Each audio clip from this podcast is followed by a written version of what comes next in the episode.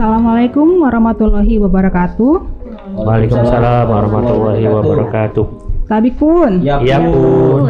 Apa kabar kawan pajak semua? Selamat datang dalam episode podcast tentang rujak kali ini. Natar ngobrolin urusan pajak. Tempat kawan pajak ngobrol santai, curhat dan berbagi informasi terkini tentang perpajakan dan peraturan perpajakan terbaru.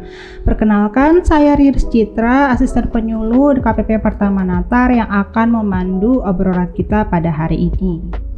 Baik bersama saya di sini sudah ada narasumber kita yaitu Bapak Muhadi. Pak Muhadi apa kabar? Alhamdulillah sehat Mbak Riris. Oke, selain Pak Muhadi di sini bersama saya ada Mbak Dimi. Mbak Dimi apa kabar? Kabar baik, Mbak Riri.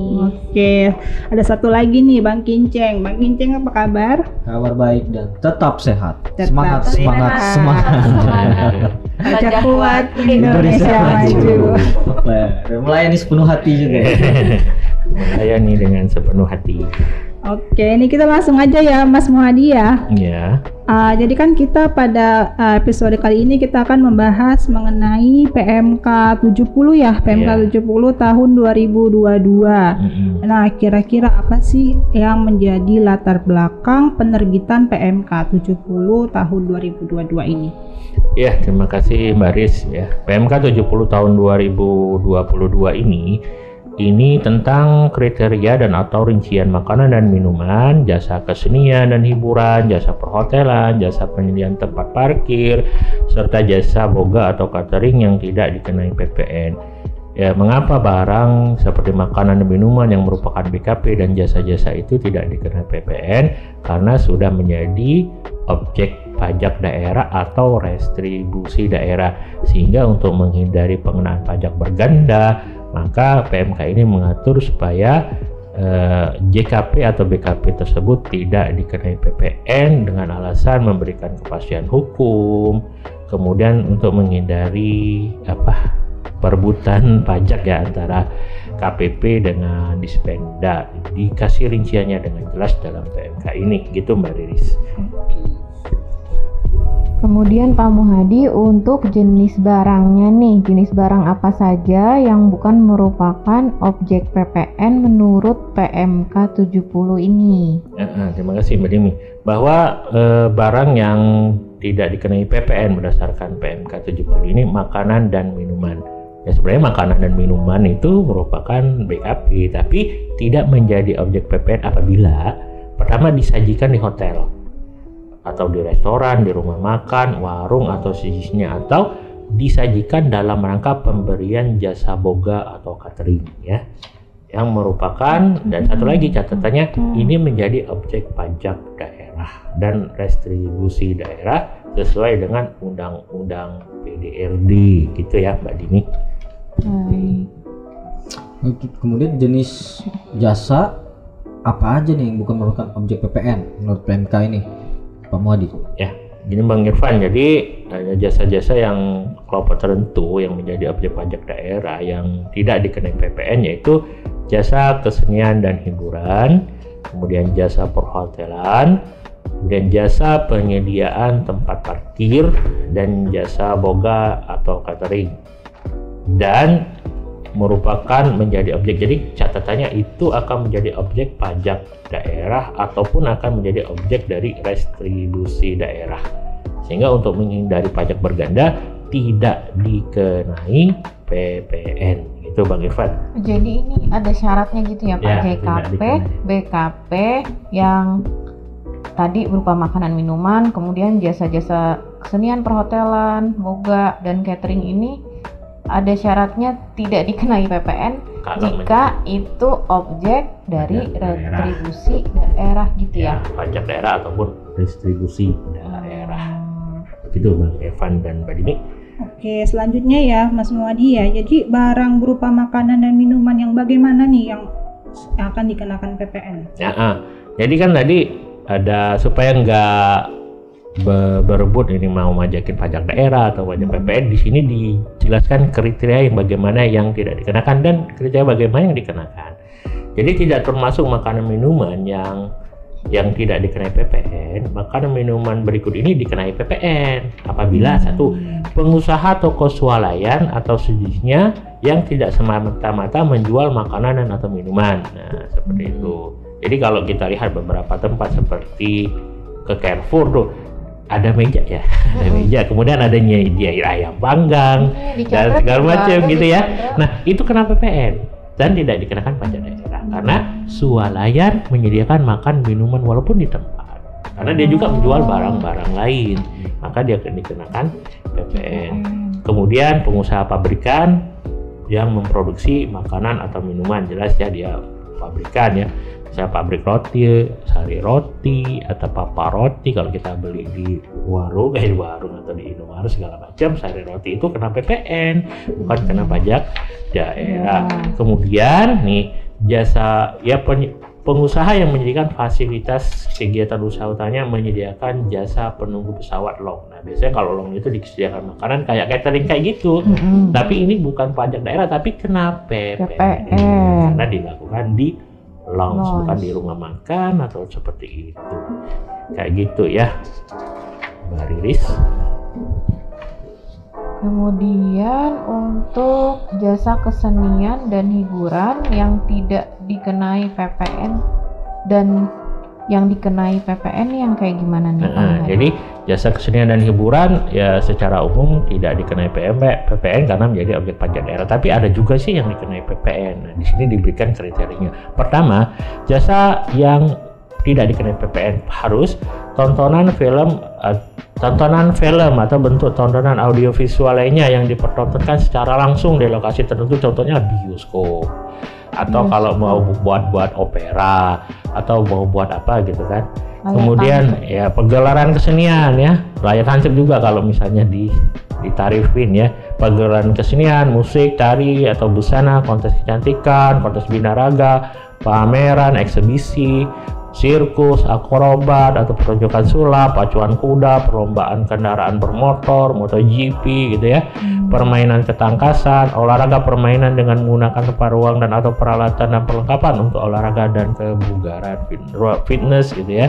Hmm. Rekreasi wahana air, waterboom atau wahana ekologi, ya kebun binatang seperti itu. Kemudian panti pijet dan juga pijet refleksi untuk pijet tradisional, kemudian diskotek, karaoke, klub malam yang dikenakan pajak hiburan. Tapi ada juga jasa kesenian yang dikenakan PPN, yaitu kegiatan pelayanan penyediaan tempat ruang dan atau peralatan dan perlengkapan untuk permainan golf. Nah, Jadi kalau dia permainan golf, tadi kan di, olahraga di atas ya, ada disebut olahraga. Tapi kalau olahraganya golf itu dikenai PPN.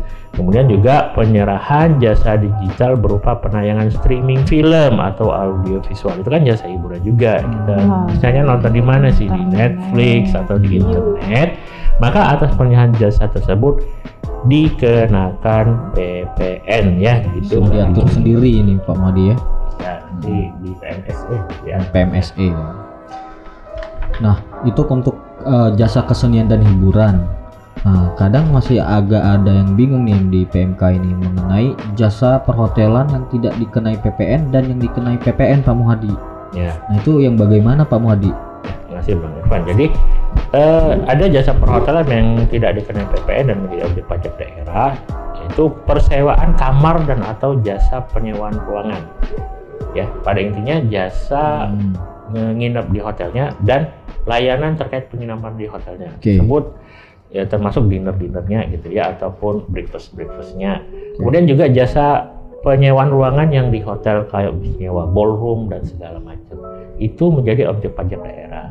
Baik diselenggarakan di hotel, di motel, di villa, pondok wisata, di losmen, di pesanggrahan, di wisma tamu, bahkan di glamping perkemahan mewah. Itu kan pajak ya. daerah ya. Oh. Glamping juga termasuk di daerah. daerah. Tapi ternyata hotel juga tidak hanya menyediakan jasa penginapan dan akomodasi atas penginapan. Ada juga jasa penyewaan ruangan nih ya untuk yang bukan untuk kegiatan acara, misalnya acara kawinan itu di hotel ya itu kena pajak Pajak daerah. daerah. Tapi selain untuk kegiatan acara atau pertemuan di hotel, misalnya nyewain ruangan untuk tempat tinggal pribadi. eh bukan ya untuk apa untuk digunakan sebagai kantor. Ada ruangan digunakan untuk ATM, ya. Oh, ini untuk kayak digunakan bukan buat untuk nginep gitu ya. Bukan untuk buat usaha. Oh, bukan untuk buat tidur. hiburan. Atau ada Oh, hotel juga ada ruangannya disewakan untuk karaoke. Atau di bisa juga dijual untuk jual obat ada apoteknya di situ. Ya, mungkin ada juga ada Indomaret di Iya, hotel benar. itu Ada atau bahkan ada klinik iya. kesehatan di situ bisa jadi nah atas persewaan ruangan-ruangan yang memang di hotel tadi tapi bukan untuk nginep untuk akomodasi secara pribadi ya maka itu kena Dikenakan PPN, PPN. ya tetap dikenakan PPN dan tidak menjadi objek pajak daerah Oh. misalnya kalau kita lihat pernah datang ke hotel itu eh, ada biro travelnya ada biro wisata. Nah ketika dia nyewa di hotel itu itu bukan kena pajak hotel tapi kena PPN penyewanya ya. Kedua jasa perseroan unit ruangan atau hotel atau kondominium dan sejenisnya. Kemudian kalau hotel juga menyediakan jasa perjalanan wisata maka jasa perjalanan wisata pembelian hotel eh, pembelian tiket dan sebagainya itu menjadi dikenakan PPN ya. Seperti itu Mbak Dini ya Jadi itu yang perlu digarisbawahi bahwa uh, penyewaan yang bukan menyewakan kamarnya itu bisa dikenai dikenai PPN ya Pak Muhadi ya. PPN Ya, seperti contohnya tadi penyewaan untuk ATM ya, Ya, untuk ATM, kantor, perbankan, restoran, di tempat hiburan, itu. karaoke, apotek, toko retail dan klinik ya. Itu dikenai PPN ya Pak Muhadi ya. Iya. Karena dia emang bukan menyewakan kamarnya untuk nginep-nginep ya. Oke. Baik Pak Muhadi. Oke, lanjut ya. Jadi kan di PMK 70 ini juga mengatur mengenai jasa penyediaan tempat parkir ya Pak Muhadi ya. Iya. Jadi untuk jasa penyediaan tempat parkir ini yang bagaimana sih yang tidak kena PPN dan yang dikenai PPN? Oh iya. Jadi tempat parkir itu menjadi objek retribusi daerah itu yang nggak kena PPN. Jadi penyediaan tempat parkir kita parkir, kemudian kita bayar parkir, kemudian pihak parkirnya menyetor ke daerah. Nah, tapi ada juga nih, termasuk juga parkir yang pakai parkir velvet ya, valet ya, valet parkir ya. Nah, tapi ada dalam pengelolaan tempat parkir itu di mana ada pihak lain yang bukan pemilik lahan atau pemilik bangunan. Nah, misalnya contoh lah, misalnya kantor kita nih, kantor kita kita mau bikin parkir, kemudian mengajak sun parking gitu misalnya kan, untuk masang apa itu alat yang buka tutup kayak gitu ya. Nah, atas jasa yang diberikan oleh pihak pengelola parkir tadi yang masang alatnya, kemudian yang menyediakan tenaga kerjanya untuk melakukan pengelolaan tempat parkir tadi itu dikenakan PPN. Baik itu sistemnya kita bayar mereka atau nanti dia bagi hasil dengan kita. Nah, atas bagi hasilnya tadi dikenakan PPN. Jadi jasa pengelolaan tempat parkir seperti itu ya, Pak Didis ya. Oke, yang terakhir nih Pak Muhadi, jasa boga atau catering yang tidak dikenai PPN nih, bagaimana nih Pak Muhadi? Nah, jadi sebenarnya jasa boga dan catering itu tidak dikena PPN. Tapi untuk mendefinisikan jasa boga dan catering yang bagaimana yang tidak dikenai PPN itu harus memenuhi syarat berikut. Jadi ini jasa boga, ini jasa catering. Mereka ngomong seperti itu. Tapi kalau mereka memenuhi kriteria ini, itu jasa boga dan catering yang tidak dikenai PPN. Apa saja? Yang pertama, pihak jasa boga atau catering itu menyediakan melakukan proses penyediaan bahan baku nyediain nasinya kayak nyedia lauknya kayak atau bahan setengah jadi ya dimasak di situ juga misalnya misalnya ada kambing guling ya di bahan baku kambing guling dimasak di situ kan dia setengah jadi di situ. jadi dia Ya. melakukan proses penyediaan makanan atau bisa dimasak di situ ataupun tidak dimasak di situ kedua melakukan penyajian di lokasi yang diinginkan dan oleh pemesan ya. Baik lokasi beda antara proses masaknya atau penyimpanannya itu bisa ya. Melakukan penyajian. Yang ketiga eh, penyajian dilakukan dengan atau tanpa peralatan dan petugasnya ya. Jadi pakai peralatan atau pakai petugas catering mereka disebut jasa catering. Jadi berbeda misalnya kalau saya ngomong usaha catering nggak kena PPN-nya tapi ternyata dia cuma minjemin alat aja. Nah, itu di persewaan alat. Hmm. misalnya kita kantor ngadain acara ya ya pihak catering nih Mm-mm. terus kita minjem alat makannya aja nah kantor harus mengut PPN karena kita bukan menggunakan jasa, Jasa catering catering. oleh pengusaha catering. Memang dia pengusaha catering, tapi kan usahanya sebenarnya waktu tapi pas bukan pengusaha catering tadi melakukan kegiatan dan tidak memenuhi kriteria catering ini, maka sebenarnya jasanya dikenakan PPN. Itu Mbak Dini maksudnya ya. Jadi ada sebagian tidak dilakukan di situ, maka itu menjadi barangnya kena PPN atau jasanya kena PPN. yang tadi itu syarat minimal ya apa Ya, harus ada tiga tiganya tiga. harus tiga tiga tiganya Nah, ketika tiga ini dipakai, itulah Dan- jasa boga dan jasa catering. Tapi kalau satu satunya hilang, Mhm. maka itu termasuk jasa pajak. Hmm. bukan jasa jadi harus Oh, tiga tiganya tiga-tiganya ya, terpenuhi seperti gitu Nah, menyediakan sebenarnya A dan B ya. Memasang. Yang C itu, yang C itu penyajian dilakukan dengan atau tanpa. Oh. A, B. A, B itu wajib. AB itu C-nya itu wajib. menjadi keterangan dengan atau tanpa alat atau Oh. dengan atau tanpa petugas. Jadi AB wajib punya Wajib makanannya. punya makanannya wajib disajikan. bisa disajikan. Jadi kalau misalnya pengusaha catering cuma ngirim apa nasi kebuli ke kantor. nggak disajiin gitu kan? kirim Ya, itu kan jual makanan bukan jasa Oh, catering. Hmm. Jadi kena PPN bisa dikenakan PPN asal tadi memenuhi syarat PKP ya.